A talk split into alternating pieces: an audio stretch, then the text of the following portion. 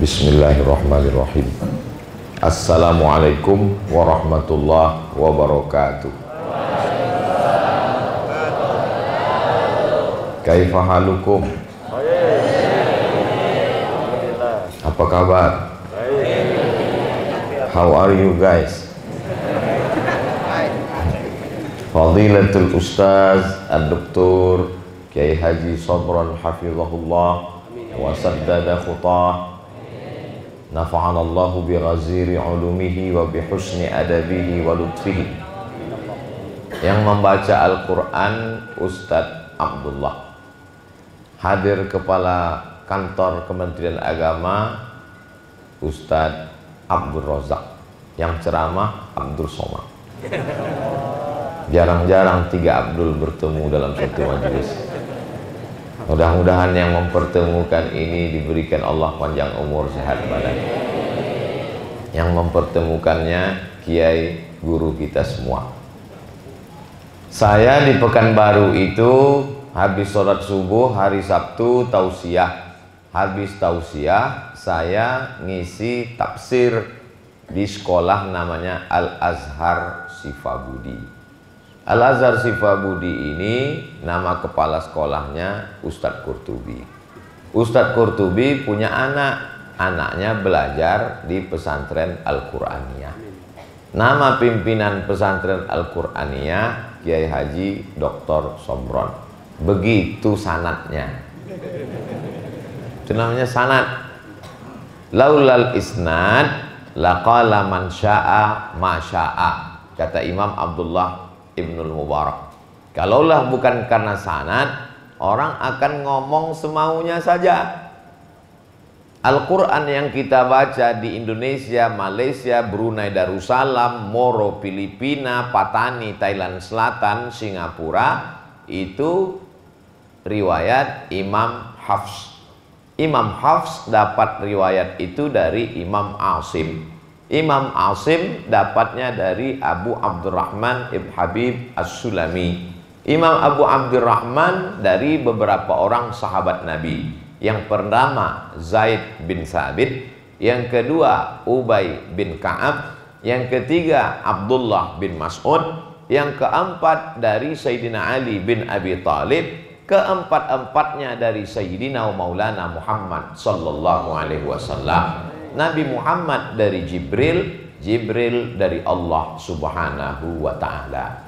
Adapun Kiai Sabran dari guru, syekh dan kiai beliau di Institut Perguruan Agama Islam Al-Qur'an lalu kemudian sampailah sanad itu kepada Imam Hafs dari Imam Hafs ke Imam Asim dari Imam Asim ke Imam Abu Abdurrahman dari Imam Abu Abdurrahman ke sahabat Nabi Ubay bin Ka'ab, Zaid bin Thabit, Ali bin Abi Talib, Abdullah bin Mas'ud sampai ke Nabi Muhammad sallallahu alaihi wasallam. Tidak putus. Kalau sanatnya putus, maka hadisnya dhaif. Hadis saja kalau dhaif tidak diterima, apalagi Al-Qur'an. Tidak usah diingat-ingat. Karena kalau dipaksakan nanti kabelnya putus. Cukup didengar aja baik-baik. Nanti diulang-ulang melalui channel Ustadz Abdul Somad Official. Subscribe, like, and share. Nah, ada salah seorang sahabat Nabi di kampungnya itu ada orang gila Lalu kemudian dia baca Al-Fatihah banyak-banyak sambil menahan air liur. Bismillahirrahmanirrahim. Alhamdulillah rabbil alamin arrahmanir rahim maliki yaumiddin iyyaka na'budu wa iyyaka nasta'in shiratal mustaqim shiratal ladzina an'amta 'alaihim ghairil maghdubi 'alaihim waladdallin amin. Bismillahirrahmanirrahim. Alhamdulillah rabbil alamin. Sampai air liurnya banyak, habis itu dia ludahi orang gila itu. Sehat. Orang gilanya sembuh. Habis itu dia lapor ke Nabi Muhammad sallallahu alaihi wasallam. Ya Rasulullah, ya ada orang gila di kampung saya. Saya bacakan Al-Fatihah banyak-banyak sambil air liurnya saya tahan. Setelah itu saya ludahi, orangnya sembuh dan saya dikasih hadiah kambing. Pertanyaannya, kambingnya halal apa enggak? Dia nggak ada nanya, ya Rasulullah, boleh nggak bacakan Al-Fatihah untuk orang gila? Dia nggak tanya itu. Yang dia tanya, kambingnya halal apa tidak? Beda sama orang sekarang. Yang dipermasalahkannya baca Fatihahnya, kambingnya nggak dimasalahkan. Itulah dalil boleh menerima hadiah dari ruqyah. Riwayat kedua, sahabat Nabi musafir Sampai di tengah jalan, mereka mau numpang nginap di rumah kepala suku. Kepala sukunya sombong, angkuh, tidak mengizinkan. Gak boleh nginap di sini. Silakan lanjut perjalanan. Mereka lanjut perjalanan. Gak berapa lama melanjutkan perjalanan, tiba-tiba ada orang mengejar dari belakang. Dengan nafas tersengal-sengal orang itu ngomong, tolonglah pulang lagi temui kepala suku. Kenapa? Karena kepala sukunya baru disengat kala jengking. Syukur. Andai saya itu yang diminta tolong, rasain lu. Tapi orang ini baik. Tolonglah doakan kepala suku. Dia pun mundur lagi datang dan kemudian mendoakan kepala suku itu dengan membacakan Al-Fatihah. Setelah dibacakan Al-Fatihah, kepala sukunya sembuh, dapat hadiah 30 ekor kambing. Sampai di kota Madinah, dia cerita ke Rasulullah, "Ya Rasulullah sallallahu alaihi wasallam, ada kepala suku disengat kala jengking, saya bacakan Al-Fatihah sembuh dan dapat 30 ekor kambing." Nanya ke Nabi, "Halalkah 30 ekor kambing ini?" Kata Nabi, "Kenapa kamu nggak bagi-bagi?" Dari dua riwayat ini menguatkan makna wa nunazzilu minal qur'ani ma huwa syifa. Bahasa Arabnya obat itu dua, dawa dengan syifa. Kenapa Allah tidak mengatakan wa nunazzilu minal qur'ani ma huwa dawa? Karena kalau dawa diminum bisa sehat, bisa sakit, bisa mati. Tapi kalau syifa pasti sembuh. Jadi kalau kena kala jengking sehat, kalau yang gila sehat, yang covid kok mati. kalau ada orang mati itu bukan karena penyakit tapi karena ajalnya sampai. Ada orang amat sangat takut sampai bakwan aja dicuci pakai hand sanitizer saking takutnya eh mati juga matinya kenapa karena bersin. Lantamuta nafsun. Orang tidak akan mati. Qabla an tastakmila rizqaha wa ajalaha. Sebelum rezekinya penuh sebelum ajalnya sampai itu sudah dijanjikan Allah Ta'ala. Diciptakan Allah makhluk namanya qalam. Allah bersumpah demi qalam.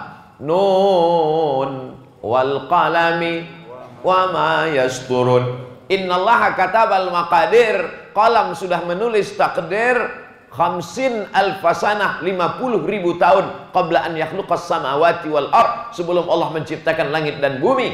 Hadis riwayat Imam Muslim Ibnul Hajjaj Al-Qushairi An-Naisaburi. Nama kitabnya Al-Jami' As-Sahih Al-Musnad Al-Mukhtasar min umuri Rasulullah sallallahu alaihi wasallam wa sunanihi wa ayyamih disingkat dengan Sahih Muslim.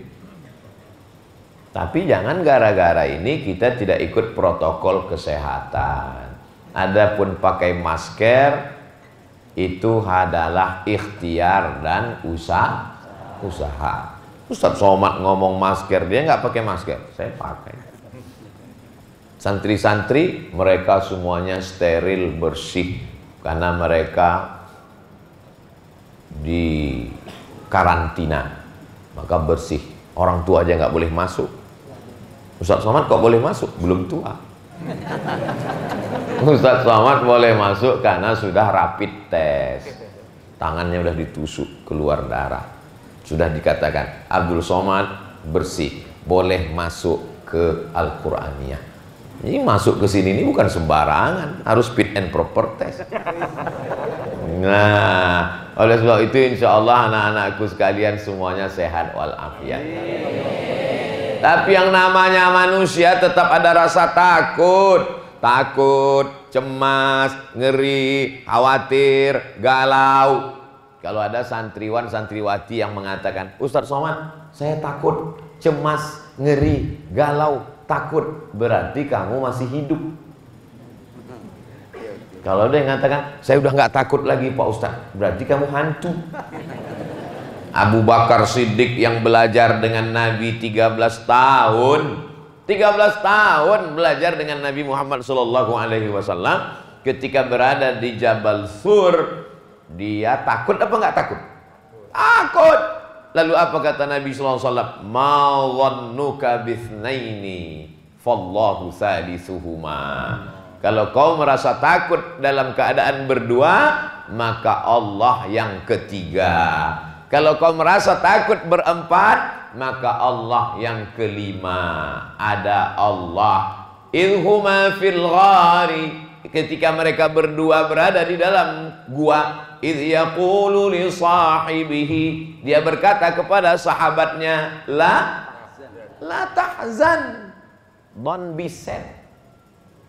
Jadilah satu buku yang ditulis oleh Dr. Aid Al-Qarni bukunya bestseller ditulis berbagai bahasa di dunia Inggris, Prancis, Indonesia la tahzan don't be sad jangan sedih, jangan takut jangan galau kenapa? karena ada Allah tidak ada rasa takut tidak ada tempat untuk takut di kepala santriwan santriwati Al-Qur'aniyah karena kepalanya sudah diisi Al-Qur'an Pas dicek kepalanya, rasa takut nggak ada tempat. Karena sudah diisi dengan Al-Quran. Warzuqna tilawatahu ana al-laili wa atrafan nahar. Ana al-laili ketika di waktu malam. Wa atrafan nahar dan ujung siang. Yang dimaksud ujung siang awal terbit matahari, ujung siang petang tenggelam matahari, malam pagi petang isi kepalanya Al-Qur'an. Adapun anak-anak yang di luar pesantren isi kepalanya game online PlayStation, Naruto, Upin Ipin. Anak-anak pesantren tidak sempat memikirkan itu. Dia sibuk dengan setorannya, dia sibuk dengan hafalannya. Yang sudah hafal sibuk dengan tafsirnya, yang sudah tafsir asbabun nuzulnya, sibuk dengan karya-karyanya. Maka itulah yang akan kekal abadi di bawah bekal menghadap Allah. Yauma la yanfa'u malun wala banun. Hari itu tak ada gunanya harta wala banun, tak ada gunanya anak illa man atallaha biqalbin salim. Mereka datang menghadap Allah dengan qalbin hati yang salim. Kenapa hatinya salim? Karena isi hatinya Al-Qur'an. Isi kepalanya Al-Qur'an. Sebetulnya Al-Quran itu di hati atau di kepala? Harus dicek rumah sakit berarti Pak Ustaz. Harus di scan. Di mana sebetulnya Al-Quran itu? afala yatadabbaruna al-Qur'an am ala qulubin qulub Al-Quran mengatakan Quran itu di qulub di hati tapi ada orang mengatakan marilah kita berfikir pernah nggak ada orang ngomong marilah kita berfikir Kenapa selalu dia mengatakan marilah kita berfikir dia selalu menyebut kepala maka ikhtilaf para dokter dan filosof. Sebetulnya yang kita ingat itu di sini atau di sini. Maka saya ambil pendapat yang mengkombinasikan antara keduanya. Dia awalnya di sini, lalu dari jantung hati ini naik ke kepala. Berawal dari sini, lalu kemudian ke kepala. Kepala ini namanya dimal. Di dalam dimal inilah ada akal, Akal inilah yang mengikat. Akal itu tiga huruf. Akala. Akala artinya mengikat. Makanya orang Arab yang mengikat kepalanya dengan tali sorban di atas disebut dengan igal. Orang Arab menyebut igal karena orang Arab itu kopnya jadi G. Maka iqal artinya tali yang mengikat. Akal namanya. Akal diberikan Allah sebagai tali mengikat hawa nafsu. Manusia diikat dengan akalnya, hewan diikat dengan tali. Kalau ada orang yang tidak terikat dengan akalnya, ikatlah dia dengan tali. Oleh sebab itu anak-anakku sekalian akalnya sudah diperkuat ikatannya dengan ikatan Al-Quran. Beruntunglah Bapak Ibu wali santri yang sudah memasukkan anaknya ke pondok Al-Quraniyah karena akal anaknya diperkuat ikatannya dengan ikatan Al-Quran. Kalau ikatan ini tidak kuat, longgar, maka semua akan masuk narkoba, sabu-sabu, lem kambing pun masuk. Tapi kalau ikatannya kuat, sama seperti plastik, kalau diikat kuat, apa pun tidak akan masuk ke dalam. Jadi Bapak Ibu wali santri yang tadi kata Pak Kiai sampai nangis di depan pagar karena nggak bisa masuk, sabar lebih baik engkau nangis di depan pintu pagar Al-Quraniyah daripada nangis di depan pintu pagar BNN. Badan Narkota, Badan Narkotika Nasional. Lebih baik engkau nangis di depan pintu pagar Al-Quraniyah daripada menangis di pintu pagar rumah sakit. Anaknya kenapa? Karena virus HIV AIDS. Gara-gara apa? LGBT. Ini mesti ditonton nih sama wali-wali santri. Walaupun mereka tidak hadir, insya Allah mereka menonton. Mudah-mudahan mereka punya paket. Amin. Sekarang banyak orang tua ini air matanya nangis mubazir nggak tentu arah. Nangis karena anak di pesantren. Ibu nangis, iya Pak Ustadz. Sudah berapa lama nggak ketemu? Tiga hari. La ilaha illallah Muhammad Rasulullah. Gimana anaknya mau dikirim ke Turki? Insya Allah tamat dapat beasiswa ke Turki seperti kakak-kakak yang sudah berangkat ke sana. Sebagiannya lulus di Al Azhar Kairo, nanti pulang kemari mencerdaskan Indonesia menjadi baldatun thayyibatun wa rabbun ghafur. Seandainya terbakar semua Al-Quran yang ada di perpustakaan Jakarta, Surabaya, Medan, Makassar, Banjarmasin, Sorong, Papua. Ustadz kok ingat tempat itu? Tempat saya ceramah. Terbakar semua Al-Quran yang ada di perpustakaan itu.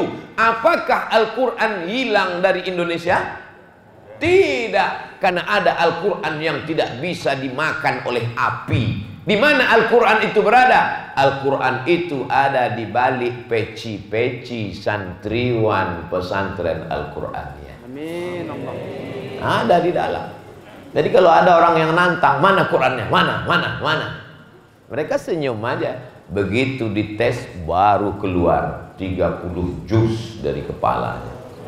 Memang pecinya biasa aja. Yang penting yang dibalik peci itu. Banyak orang pecinya emas, isinya lontong sayur. Tapi kepala ini mesti diisi dengan sesuatu yang luar biasa. Cuman kepala ini kan tidak seperti laptop Core 2 Duo yang langsung bisa ditransfer. Klik. Kan langsung dimasukkan. Tidak seperti itu proses kepala dia kepala ini nangkapnya pelan-pelan. Dibaca pertama titik titik titik. Alif lam mim. Dzalikal kitabu la raiba fihi hudal lil muttaqin. Dengar pertama titik titik titik. Belum nyambung. Dengar kedua titik agak panjang. Dengar ketiga mulai agak tersambung tapi belum kuat. Dengar keempat mulai nyambung. Maka apa yang sering kita dengar itulah yang akan merekat di kepala kita. Jadi sesungguhnya kita ini adalah mendengar, mendengar, mendengar. Makanya kita tidak pernah menghafal Al-Fatihah. Tidak ada orang Islam menghafal Al-Fatihah kecuali mu'alaf. Kalau mualaf memang ngapal Al-Fatihah karena dia setelah dewasa baru masuk Islam. Tapi kita yang bapaknya muslim, ibunya muslimah, kita nggak pernah ngapal Al-Fatihah. Kenapa bisa hafal Al-Fatihah? Karena sering didengar. Makanya MP3 itu dengar terus dan di sini masya Allah tabarakallah mendengar para ustadz, mendengar senior-senior, mendengar kakak kelas, maka itulah yang terekam di dalam kepala. Nanti kalau saya ngomong dikatakan orang apologi. Ah itu kan apologi membela agama dia. Tidak ada di dunia ini satu agama pun yang umatnya hafal kitab sucinya kecuali agama Islam. Setuju? Yalah orang Islam. Tapi kita apologi. Apologi itu artinya membela agama sendiri. Tapi kalau mau ditantang di seluruh dunia, silakan. Saya nggak takut nih diupload, silakan aja. Tunjukkan orang yang hafal kitab sucinya dari awal sampai akhir. Nggak ada di dunia ini. Kecuali agama Islam. Kecuali dia buat agama baru, kitab sucinya cuma satu lembar. Nah, itu bisa. Siapa yang menjamin itu? Allah dalam Al-Quran. Satu-satunya ayat yang pendek, taukidnya sampai lima. Inna nahnu nazzalna dzikra wa inna lahu lahafizun. Inna nahnu nazzalna dzikra wa inna lahu lahafizun. Lima taukid Allah mau menekankan Al-Quran tidak akan bisa diselewengkan, diputar balikkan, dihilangkan, dihapuskan sampai hari kiamat. Tapi Allah di situ pakai inna kami Allah itu satu, dua atau tiga? Qul huwallahu ahad, esa, tunggal, tak berbilang. Lalu kenapa dia katakan di situ inna kami? Allah mau ngasih tahu, aku dan santriwan santriwati Al-Qur'aniyah menjaga Al-Qur'an sampai hari kiamat.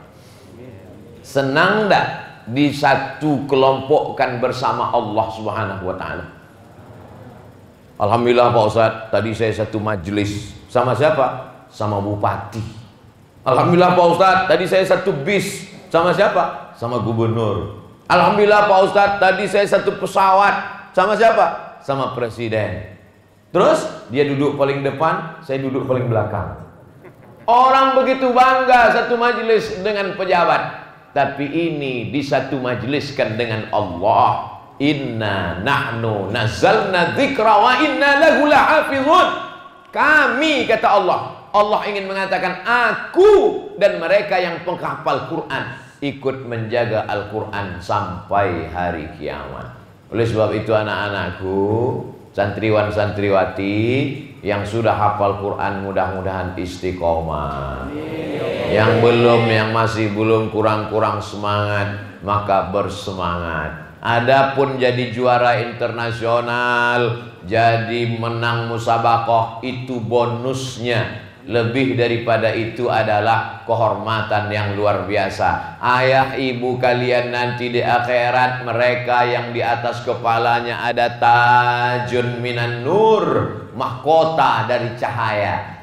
Kenapa mereka dapat mahkota dari cahaya? Crown, taj, mahkota karena mereka membiarkan melepas ridho senang anak-anak mereka berpisah dalam keadaan jauh dari kota tempat tinggal. Dalam keadaan covid mereka lepas anaknya demi untuk menjadi para penghafal Al-Quran.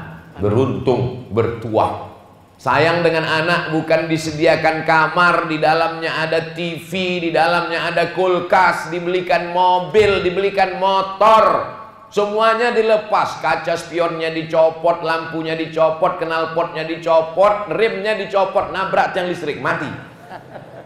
Bukan begitu sayang kepada anak. Sayang kepada anak bukan dibelikan handphone, game online PlayStation, Belilah handphone limited edition. Hanya tiga di dunia. Satu di Amerika, satu di Australia, satu di Jakarta. Itu dia beli untuk anaknya. Saking canggihnya, cara menghidupkannya pun nggak tahu Sampai di rumah bingung Apa yang mau dipencet? Telepon teknisi Teknisinya ketawa. Ini super canggih bu. Hidupkannya gimana? Bersin aja, hidup Habis uang untuk alat multimedia komunikasi, merusak kepala anak game online, PlayStation, macam-macam, di luar tidak selamat dari warnet, pergaulan bebas, maka kalian ini seperti pokok kayu yang baru tumbuh, dahannya masih hijau, pucuknya hijau muda, kuman banyak, bakteri banyak, werengnya banyak, maka kalian diamankan, dikarantinakan dulu sementara menjadi pokok yang kuat. Setelah kalian menjadi pokok yang kuat, batang tinggi, gagah perkasa, bercabang, bertunas, berdaun, berputih, berbuah, kalian akan dikirim sejauh mata memandang. Ada yang sampai nanti ke Cambridge University. Amin, ya Allah. Ada yang dapat beasiswa ke Al Azhar University. Amin. Ada yang dapat beasiswa ke ANU Anu Pak Ustadz Australia National University Otaknya Inggris Otaknya Australia Hatinya tetap Makkah Isinya tetap Al-Quranul Karim Karena yang mengungkapkan mukjizat-mukjizat Al-Quran itu tidak bisa semuanya Ustadz Ustaz Somad kalau bicara tentang mukjizat Al-Quran orang nggak akan percaya. Tapi kalau ada di antara anakku ini yang menjadi SPOG, spesialis objin, spesialis kandungan, bicara dia tentang ayat Al-Quran bahwa manusia itu dari nutfah, setelah nutfah berubah menjadi alaqah, dari alaqah berubah menjadi mut'ah, mut'ah itu kemudian berubah menjadi izam, fakasaunal izama lahma. Lalu tulang itu dibalut dengan daging. Summa ansha'nahu khalqan akhar. Kemudian dia menjadi makhluk yang lain. Bukan tulang bukan darah bukan daging tapi makhluk yang sempurna. Fatabarakallahu ahsanul khaliqin. Nutfah.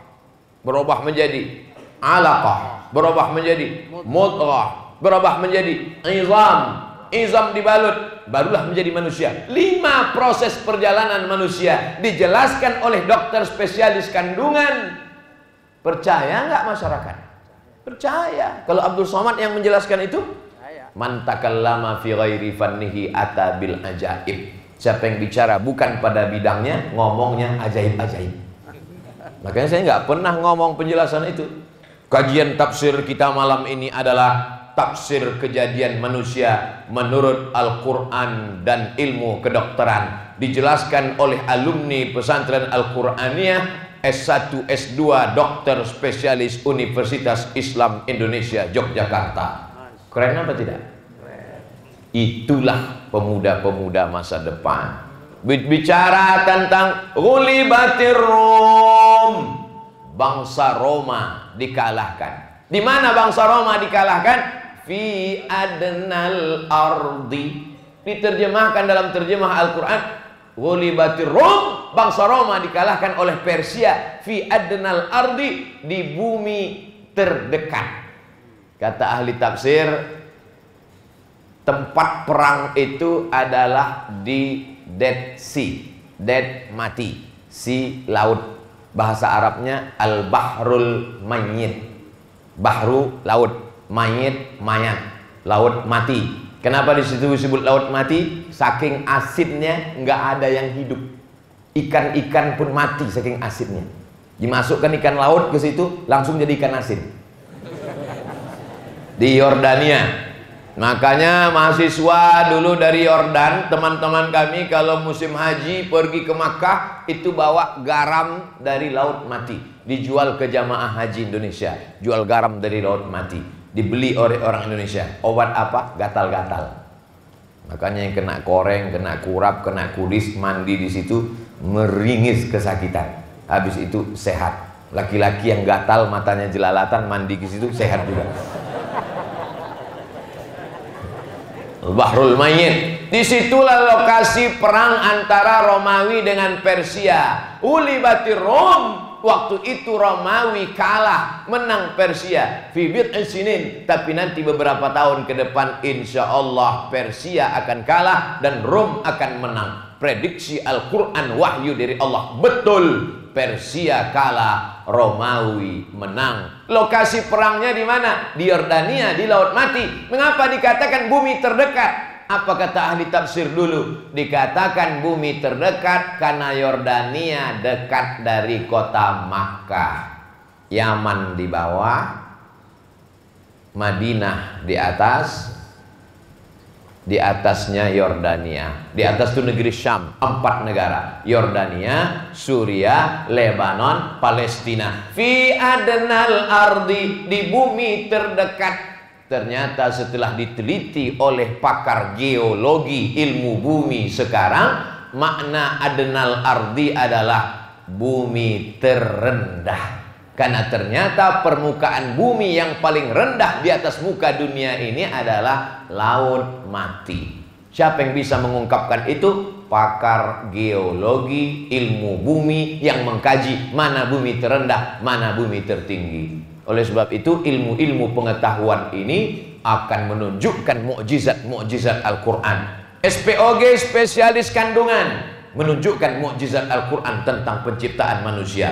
Pakar geologi menunjukkan mukjizat Al-Quran tentang kehebatan ilmu bumi. Janji Allah Ta'ala. Sanurihim ayatina fil afaq kami akan tunjukkan ayat-ayat tanda-tanda kebesaran kami di atas muka bumi di dalam diri mereka. Hatta yatabayyana lahum annahul haq. Sampai mereka yakin bahwa Al-Qur'an ini datang dari Allah. Wa ma yantiqu 'anil hawa in huwa illa wahyun yuha.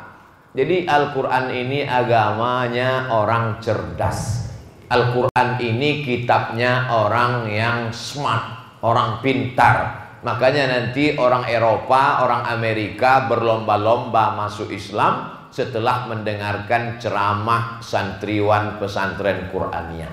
Amin ya Allah. Mendengar ceramah Ustaz Somad mereka tidak dapat hidayah karena ceramahnya tidak bergizi, tak berkualitas, tak berilmu. Tapi 20 tahun, 30 tahun akan datang santriwan Qur'ania yang hafal Quran itu cerita tentang penciptaan manusia, cerita tentang penciptaan alam semesta, cerita tentang Big Bang, karena taratkan langit dan bumi itu dulu menyatu fafataqnahuma lalu kami pisahkan terjadi ledakan yang besar boom memisah antara langit dan bumi planet-planet. Mereka yang akan menjelaskan itu apa ilmu mereka? Astronomi. Inna fi khalqis samawati wal ardi wa ikhtilafil laili wan nahar. La ayat. Inna fi khalqis samawati dalam penciptaan langit. Berpikir tentang penciptaan langit muncul astronomi bukan astrologi. Sekarang yang banyak dibaca oleh orang Islam astrologi. Apa beda astronomi dengan astrologi Ustaz? Astronomi ilmu tentang planet. Astrologi kalau lahir bulan April bintangnya Taurus, jangan nikah dengan bintang ikan. Karena Taurus sama ikan masuk laut, gembung masuk angin astrologi, ilmu nujum, ilmu perbintangan. Kadzabal munajjimun walau sodaku. Orang yang suka astrologi itu bohong. Kalaupun betul cuman kebetulan kata Nabi sallallahu alaihi wasallam. Jadi yang didalami itu adalah ilmu astronomi. Inna fi khalqis samawati astronomi wal ardi geologi. Waqtilafil laili wan nahar meteorologi, klimatologi dan geofisika. La ayatin itu semua ayat-ayat. Ada ayat kursi, ada ayat surat Al-Baqarah, ada ayat Al-Qur'an. Itu namanya tafsir ayat-ayat yang tersurat tapi ada tafsir ayat-ayat kauniyah, ayat alam semesta. Lebih besar, lebih banyak dan kalau itu dijelaskan manusia akan dapat hidayah Al-Qur'an Allahumma hdina beri kami hidayah. Wahdi bina berikan orang lain hidayah. Waj'alna sababan liman ihtada jadikan sebab hidayah itu karena kami. Jadi orang Eropa, orang Belanda, orang Jepang akan masuk Islam karena ceramah santriwan santriwati Qur'annya Mereka akan bicara dengan bahasa dokter, mereka akan bicara dengan bahasa astronomi, mereka akan bicara dengan bahasa geologi, dijelaskannya dengan bahasa Inggris, bahasa Jepang, bahasa Mandarin. Waktu itu Abdul Somad sudah masuk liang lahat tapi tetap dapat royaltinya. Itulah makna mandalla ala khairin falagu mithlu ajri fa'ilihi. Siapa yang menunjukkan suatu suatu kebaikan, dia dapat balasan pahalanya. Gimana santriwan santriwati Qur'annya? Siap? Insya Allah. Jadi sesuai dengan bakat masing-masing. Kan tidak semua suaranya seperti suara Ustadz Abdullah yang juara internasional. Juara internasional itu artinya juara dunia. Dikumpulkan semua kori di dunia, beliau juara. Andai ada musabakoh dunia akhirat, juara juga beliau. Tapi tidak semua suara kita seperti itu. Karena dengan melantunkan bayati, sobasikan, hawan, jahar, karas, nafas panjang, yang suaranya bagus, tekuni itu. Tapi yang suara kurang bagus, jangan putus asa. Lalu kemudian minum racun tikus. Nauzubillah. Ada bidang yang lain. Bidang apa? Bidang tafsir sains dan teknologi. Jangan masuk surga dari satu pintu saja. Allah ciptakan banyak pintu. Udkhulu min abwabin mutafarriqah. Masuklah kalian ke Mesir dari pintu yang banyak. Pesan Nabi Yaqub kepada anak-anaknya. Bisa masuk dari pintu bayati sobasi hawan jaharka. Bisa masuk dari pintu fahmil Quran. Bisa ada orang yang suaranya nggak bagus. Mau fahmil ceramah juga kurang bagus. Tapi kaligrafinya bagus luar biasa. Saya lihat kaligrafi ini Masya Allah Pak Ustadz Bacaannya apa? Entah. Saking kan luar biasa bengkok-bengkoknya luar biasa. Saya insya Allah masih bisa baca. Inna dina indallahil islam. Innamal mu'minuna. Oh enggak, enggak nampak. Itu Pak Ustadz enggak nampak karena tertutup oleh oleh Kul in kuntum tuhibbun Allah fattabi'uni yuhibbukumullah. Oleh sebab itu maka Uh, tidak ada berputus asa karena kurang kemampuan di bidang apa pun. Ada khatil Quran, ada fahmil Quran, ada lagi cabang namanya menulis makalah Al-Quran. Dulu namanya MMQ, musabaqah, makalah menulis makalah ilmiah Al-Quran. Jadi sekarang Al-Quran ini Masya Allah Tabarakallah bercabang-cabang. Jadi anak-anakku sekalian Al-Quran dibaca napasnya tidak boleh mencuri napas. Begitu dulu kata juri. Tidak boleh mencuri napas. Yang biasa menjadi pencuri bingung. Kok saya nggak pernah nyuri itu ya? Mencuri napas. Maka Al-Quran itu dibaca dari awal sampai akhir Ada idham, ada ikhfa, ada qalqalah, ada hunnah, ada bilahunna Itu tidak ada dalam bahasa Indonesia min qablikum. Mana ada itu dalam bahasa kita? Kamu lagi ngapain? Mencuci. Nggak ada itu. Dalam bahasa Inggris pun itu nggak ada. Itu hanya ada dalam bahasa Arab. Dari mulai makharijul hurufnya. Makanya bahasa Arab itu disebut dengan lughatud bad lughatud bad bahasa bad karena satu-satunya huruf yang tidak ada dalam bahasa lain Inggris, Prancis, Jerman, Yunani, Greek huruf bod. Sebutkan bahasa Indonesia yang pakai bod. Ada? tidak ada. Tidak ada pakai bod. Sama bod. Tidak ada bahasa Indonesia yang pakai bod. Makanya disebut bahasa lain itu lughatul bod. Po po tak ada. Bahasa Inggris tak ada huruf po. I want to point. Tak ada. Oleh sebab itu belajar makharijul huruf. Belajar makharijul huruf itu sumbernya mesti syafawi. Dari mulut ke mulut. Nggak bisa belajar beli buku, baca sendiri, pahami sendiri, tekuni sendiri, nyasar sendiri. Kalau kuliner bisa nggak pakai guru. Potong bawangnya, Masukkan ke kuali, masukkan. Masukkan cabai, masukkan. Aduk-aduk. Loh, kok enggak kuning? Kompornya belum hidup. Tapi mengaji Al-Quran ini mesti pakai guru. Rubbatalil Quran wal Quranu yal'anuh. Berapa banyak orang baca Quran dilaknat oleh Quran. Yang panjang dipendekkan, yang pendek dipanjangkan. La in syakartum la azidannakum. Kalau kamu bersyukur maka enggak akan aku tambah. Dari lam taukid menjadi la pendek. Itu tidak ada dalam bahasa Indonesia. Bahasa Indonesia mau pendek mau panjang sama aja. Kamu mau ke mana? Mau pergi. Gak ada beda. Intonasinya, panjang pendeknya, idgham ikhfa qalqalah gunnah bila belum lagi akar katanya. Datang makan, memakan, dimakan. Kan cuma itu. Coba bahasa Arab.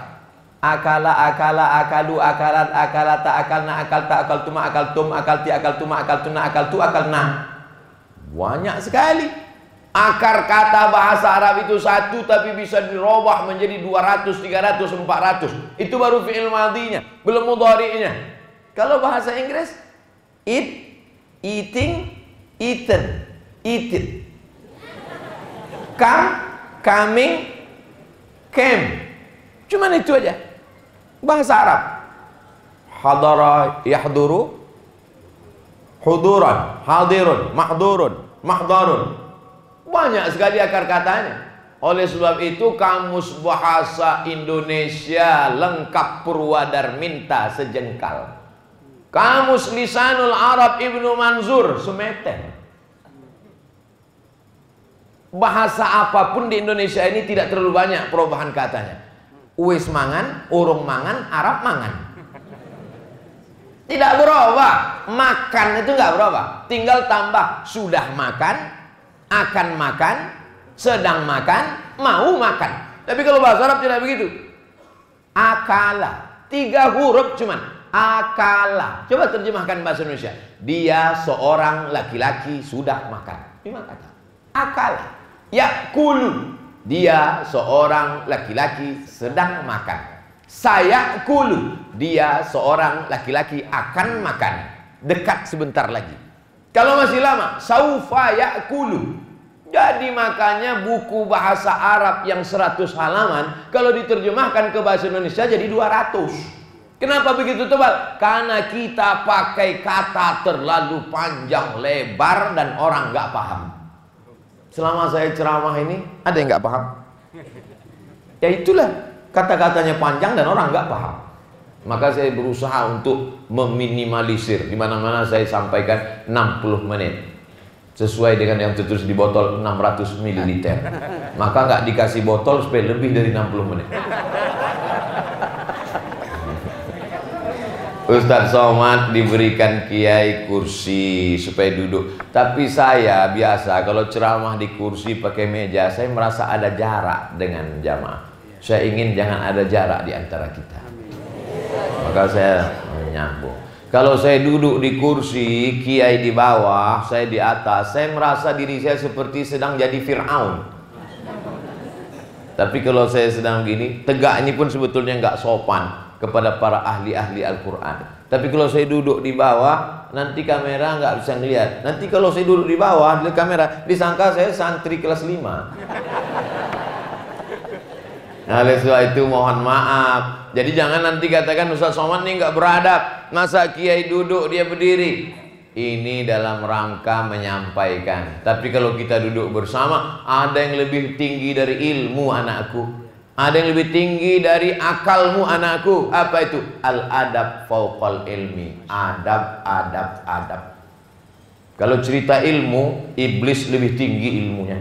Iblis keluar dari sorga itu bukan karena sakau. Pernah nggak baca hadis? Iblis keluar dari sorga karena nyabu. Ada? Ada.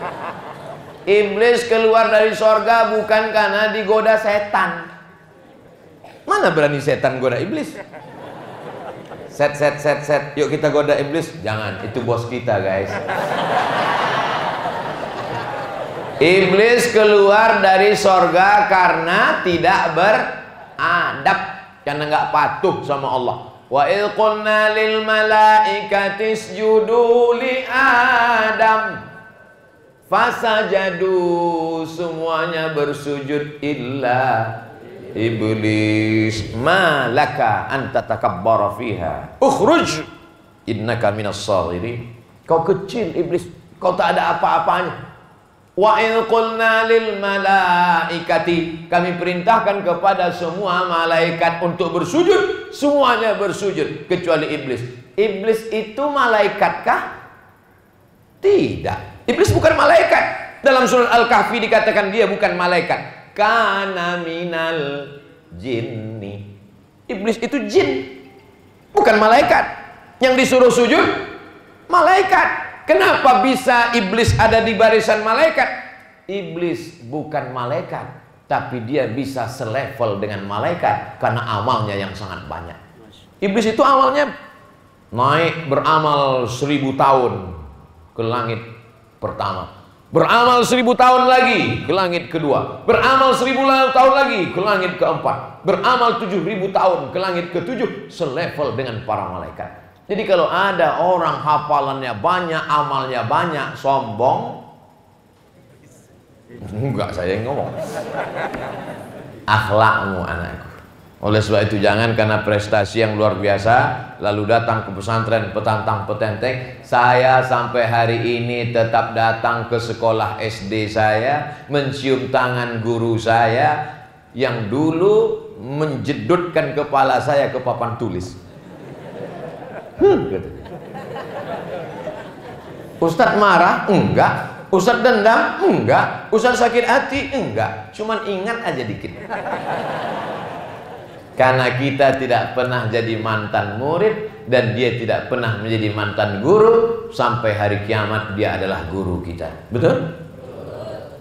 Enaknya jadi guru adalah setiap amal anakku semuanya mengalir kepada guru-guru guru yang digugu dan ditiru dari mulai cara pakai sorbannya dari mulai cara berjalannya dari mulai cara baca Qur'annya dari bagaimana cara menarik nafasnya bagaimana membaca lantunan Al-Qur'annya. Oleh sebab itu guru-guru kita ini Masya Allah Tabarakallah. Kadang ilmu kita ini biasa saja Tapi yang lebih banyak itu adalah barokahnya. Makanya kalau kita di pondok-pondok pesantren itu kadang ngaji baca kitab Baca kitabnya cuma tiga baris yang paling panjang. Untuk almarhum Kiai Fulan Al-Fatihah. Untuk almarhum Kiai Syekh Abdul Qadir Al-Jilani Al-Fatihah. Untuk Syekh Bahauddin anak sampai Orang yang nggak ngerti, loh ini kapan ngajinya Fatihah-Fatihah mulu. Wattaqullah wa yu'allimukumullah. Kalau kau takut kepada Allah, maka Allah yang ajar mengajarkan engkau ilmu. Wa 'allamnahu min ladunna ilma. Coba baca tafsir Abu Ja'far Ibnu Jarir At-Tabari. 24 jilid, 24 juz tafsir At-Tabari. Itu nggak masuk akal dengan sanad-sanadnya lengkap. Dari Imam Abdul ke Ibnu Abbas, dari Jabir, dari kemudian Imam dari mana sanad-sanad itu lengkap semua. Padahal waktu itu Imam Abu Ja'far Ibnu Jarir atau Bari nulis tafsir itu tidak pakai bantuan laptop dan www.google.com. Murni dengan akalnya. Dari mana dia dapat itu? Wahyu? Tidak, karena wahyu sudah berakhir dengan datangnya Nabi Muhammad SAW. Dia dapat dari mana itu? Dari barokah guru-gurunya. Oleh sebab itu jangan pernah melawan guru. Guru itu mudah saja. Sami'na wa ta'na di Pulau Jawa, di India namanya guru. Guru itu bahasa India. Sedangkan di Pulau Jawa namanya kiai. Karena di Jawa dulu suatu yang mulia-mulia, ada gending, ada tombak, ada keris, itu dipanggil kiai. Karena dia makhluk yang dimuliakan di budaya Jawa dulu. Maka ketika datang orang mengajarkan agama, dipanggil kiai. Makanya ada lembu warna putih yang dimuliakan, itu disebut dengan kiai selamat. Makanya kalau ada kiai nggak bisa baca kitab namanya kiai selamat. Jadi kiai adalah orang yang dimuliakan. Ada yang lebih tinggi lagi dari kiai namanya sunan. Sunan artinya orang kalau kita ketemu dengan dia tangannya tangan kita susun. Susun susunan. Maka kalau ketemu susunan. Nah, saya pun tadi masuk ke sini karena nggak boleh salaman susunan. Ini namanya Sunan PSBB. Sunan PSBB. Anak-anak sekarang tidak belajar lagi. Kami dulu di SD belajar PSBB, pelajaran sejarah perjuangan bangsa supaya menghormati penguasa, pejuang-pejuang bangsa zaman dulu, founding father pendiri bangsa, bil khusus 30 September yang tak lama lagi. Nah, ini banyak orang sekarang ketakutan dengan bangkitnya komunis. Saya tidak takut sedikit pun. Kenapa? Penghafal Quran inilah yang akan melenyapkan komunis dari Indonesia. Amin. Ya komunis itu kan singkatnya tidak bertuhan. Pemikirannya diambil dari mana? Dari Karl Marx. Karl Marx punya murid namanya Stalin. Mereka mengatakan agama ini hanya opium. Agama ini harus dimusnahkan. Makanya agama harus dihabisi. Oleh sebab itu ujung tombak perjuangan melawan komunis ini adalah pondok pesantren. Kalau sudah pesantren ini tumbang, hancur bangsa, kita akan terjajah. Makanya pesantren Qur'aniyah muncul. Alumni-alumni ini akan pulang dari Sabang sampai Papua dan akan lahirlah Qur'aniyah satu, Qur'aniyah dua, Qur'aniyah tiga, Qur'aniyah empat, Qur'aniyah lima. Abdul Somad nanti akan meresmikan di Sorong Papua Qur'aniyah seribu. Amin. Nggak ada yang mengaminkan. Semua berawal dari mimpi. Orang yang paling pengecut adalah untuk mimpi aja pun dia takut. Dulu saya waktu sekolah, saya tulis di buku saya, Profesor Dr. Abdul Somad. Kata kawan saya yang duduk sebelah sebangku, Mat, jangan kau tulis, aku takut kau gila. Sejak itu saya takut gila, nggak saya tulis lagi.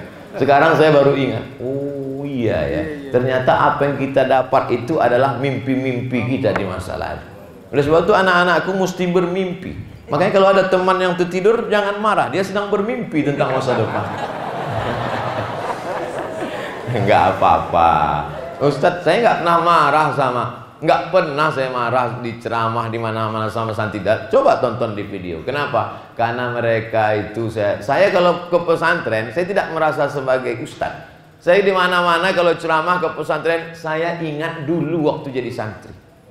Kalian masih lumayan dengan ceramah. Kami dulu, Kak, kami dulu. Itu banyak teman-teman itu waktu sholat subuh, sujud pertama sekaligus sujud terakhir. Gak mau bangun. Itu. Makanya santri Qur'aniyah luar biasa. Ustadz Samad ceramah, mereka masih mendengar. Kami dulu, dulu ada mudabir, kelas 5 itu mudabir ke mana-mana bawa sorban, dengan buku. Ini tangan nih nggak terhitung tak berapa kali kena batang sapu. Yang paling kejam itu adalah kismullah dengan kismul ta'lim, habis sholat maghrib. Saya masih ingat yang mukul saya pakai sapu itu. Saya enggak dendam, cuman kalau dia ngundang ceramah saya nggak mau. Persahabatan dulu tuh luar biasa. Jadi kalian di pesantren ini Alhamdulillah nanti baru terasa 20 tahun, 30 tahun akan datang Ketemu reunian, lucu-lucuan. Oh itu luar biasa kenangannya. Yang dikenang yang indah itu adalah Sesuatu yang hari ini kita anggap biasa-biasa saja. Oleh sebab itu menulislah anakku Saya ketika masuk pesantren Saya dikasih buku diari satu saya tulis. Ada semua catatannya hari ini nggak pramuka kena pukul. Ada hari ini masuk ke lemari nggak ikut senam pagi. Ada. Tapi jangan ikut Ustadz sama Ustadz sama ini termasuk bukan Ustadz yang baik. Hmm, termasuk banyak catatan kriminalnya. Hmm, oleh sebab itu ikut Ustadz Kiai Sobron yang baik-baik yang tulus-tulus yang ikhlas-ikhlas. Ada catatan hari Ahad ini orangnya pelit sombong. Lemarinya dibongkar bumbu pecalnya habis. Saya sebetulnya baik cuman kawan saya nggak baik. Teman amat sangat besar pengaruhnya terhadap kita. Jadi waktu itu kami dapat tugas. Nama istilahnya bulis. Bulis itu dari kata polis. Dapat tugas jaga asrama Bulis lima orang boleh nggak sholat ke masjid? Jaga asrama mana tahu ada maling masuk. Datang kawan alladzi waswisu fi mat mat mat ini lemari si anu yang pelit itu. Oh nggak boleh kita rusak. Karena dia jahat boleh. Habislah rambutannya sama cabai bang, sama uh, sama sambal ikan terinya. Tapi udah minta izin, kami udah minta izin. Waktu acara reuni, saya saya minta izin kepada kawanku yang dulu kami ambil sambal pecalnya. Kalian izinkan kah? Izin. Sudah selesai. Daripada kita di akhirat mencari dia untuk membawa sambal pecal. Jangan aniaya orang, jangan zolimi orang. Teman-teman yang kita sepelekan hari ini, dia bukan siapa-siapa yang dia biasa-biasa saja. Mungkin badannya lemah lesu letoy loyo lunglai ingusnya nggak berhenti meleleh. Suatu saat dia adalah kebanggaan kita. Mampirlah saya ke rumah makan mewah canggih indah mantap. Sampai di dalam saya pun makan. Makan enak. Tiba-tiba saya ngelihat ada seorang. Eh kita dulu satu sekolah. Iya. Ayo makan silakan. Makan makan makan. Makan nanti saya bayar Makanlah, selesai makan pas saya mau bayar, berapa semuanya? Kata kasir, mohon maaf pak, yang punya itu. Ternyata yang makan sama saya itu yang punya rumah makan. Pegawai-pegawai sudah dibawanya umroh semua. Mobilnya mewah. Saya nanya, ente punya tuyul berapa? Bisa kaya begini. Aku nggak kuliah, mat, kata dia. Dulu waktu kalian tamat pergi kuliah, aku nggak bisa karena aku anak yatim. Tapi aku mulai bisnis ini perlahan. Dia menjadi orang hebat. Jangan sepelekan teman. Karena kita tak tahu nasib kita bagaimana ke depan. Tu'izzu man tasha wa tudhillu man tasha. Biadikal khair. Oleh sebab itu, menjadi anak orang kaya jangan bangga, menjadi anak yatim jangan putus asa karena ada Allah yang maha kuasa mengangkat dan menaikkan darajat. Baik-baik dengan teman jangan sombong jangan angkuh. Laisal fata may yaqulu kana abi. Itu bapak saya punya mobil itu bapak saya punya rumah. Itu bapakmu kalau mati dia. Tapi itu tidak ada di pesantren Qur'annya dari tatapan matanya semuanya baik-baik semua insyaallah amin. Ya rabbal alamin. Jam 6.29 Tadi dimulai 5.30, sekarang 6.30. Tetap dalam aturan 60 menit bersama UAS, ujian akhir semester.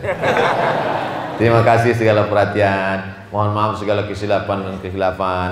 Mohon maaf Kiai atas tutur kata yang tidak berkenan di hati. Ala hazihin niyah wa kulli niyatin salihah. Al-Fatihah. A'udzu billahi minasy syaithanir rajim. بسم الله الرحمن الرحيم. الحمد لله رب العالمين. الرحمن الرحيم. مالك يوم الدين. إياك نعبد وإياك نستعين. اهدنا الصراط المستقيم. صراط الذين أنعمت عليهم غير المغضوب عليهم ولا الضالين. آمين. اللهم صل على سيدنا محمد وعلى آل سيدنا محمد. اللهم أنزل الرحمة والسلامة والبركة على هذه الجماعة. وعلى صاحب هذا المجلس وعلى هذا المعهد العظيم turunkan keselamatan, kerahmatan, keberkahan ke pondok pesantren Qur'aniyah beserta santriwan santriwatinya ya Allah Allah mahfazna min kulli su' wa syar jaga kami dari segala perbuatan maksiat dan dosa ya Allah Allahumma arhamna bil Qur'an turunkanlah rahmatmu kepada kami dengan kemuliaan Al-Quran Allahumma ja'al abna'ana wa banatina min hufazil Quran wal hafizat jadikan anak-anak kami menjadi para penghafal Quran. Minal mujahidin fi sabilik bi amwalihim wa anfusihim. Mereka akan berjuang menolong agamamu dengan harta dan nyawa mereka ya Allah. Allahumma ja'al hadzal balada baladan aminan mutmainnan ya'tihi rizquhu min kulli makan. Jadikan negara kesatuan Republik Indonesia negeri yang aman damai terbuka pintu rezeki dari segala penjuru ya Allah. Allahumma dafa'anna al-ghala wal waba wal fahsya wal riya wal riba wal zina wal munkar selamatkan negeri ini dari malapetaka bencana riba zina narkoba perbuatan keji dan mungkar. Allah madfa'anna al-waba Allah marfa'anna al-waba angkat tolak jauhkanlah wabah bil khusus wabah covid-19 dari negeri kami ya Allah. Rabbana fir lana dzunubana ampunkan dosa kami. Wali abaina ayah kami. Wali ummahatina ibu kami. Wali masyayikhina para kiai guru-guru kami. Wali man hadarana semua yang hadir di majlis kami فلمن غاب عنا يمتد فرحاتي كأن سواتو ألاسا أزور شرعي ولإخواننا الذين سبقونا بالإيمان. سورة سورة كامية سورة من دهولوي كامية إيمان اللهم اختم لنا بحسن الخاتمة ولا تختم علينا بسوء الخاتمة ربنا اغفر لنا ذنوبنا ولإخواننا الذين سبقونا بالإيمان ولا تجعل في قلوبنا غلا للذين آمنوا ربنا إنك رؤوف رحيم ربنا آتنا في الدنيا حسنة وفي الآخرة حسنة وقنا عذاب النار وصلى الله على سيدنا ومولانا محمد وعلى آله وصحبه وسلم والحمد لله رب العالمين تقبل الله منكم minna wa minkum taqabbal ya karim. Terima kasih segala perhatian. Mohon maaf segala kesilapan dan kekhilafan. Wassalamualaikum warahmatullahi wabarakatuh.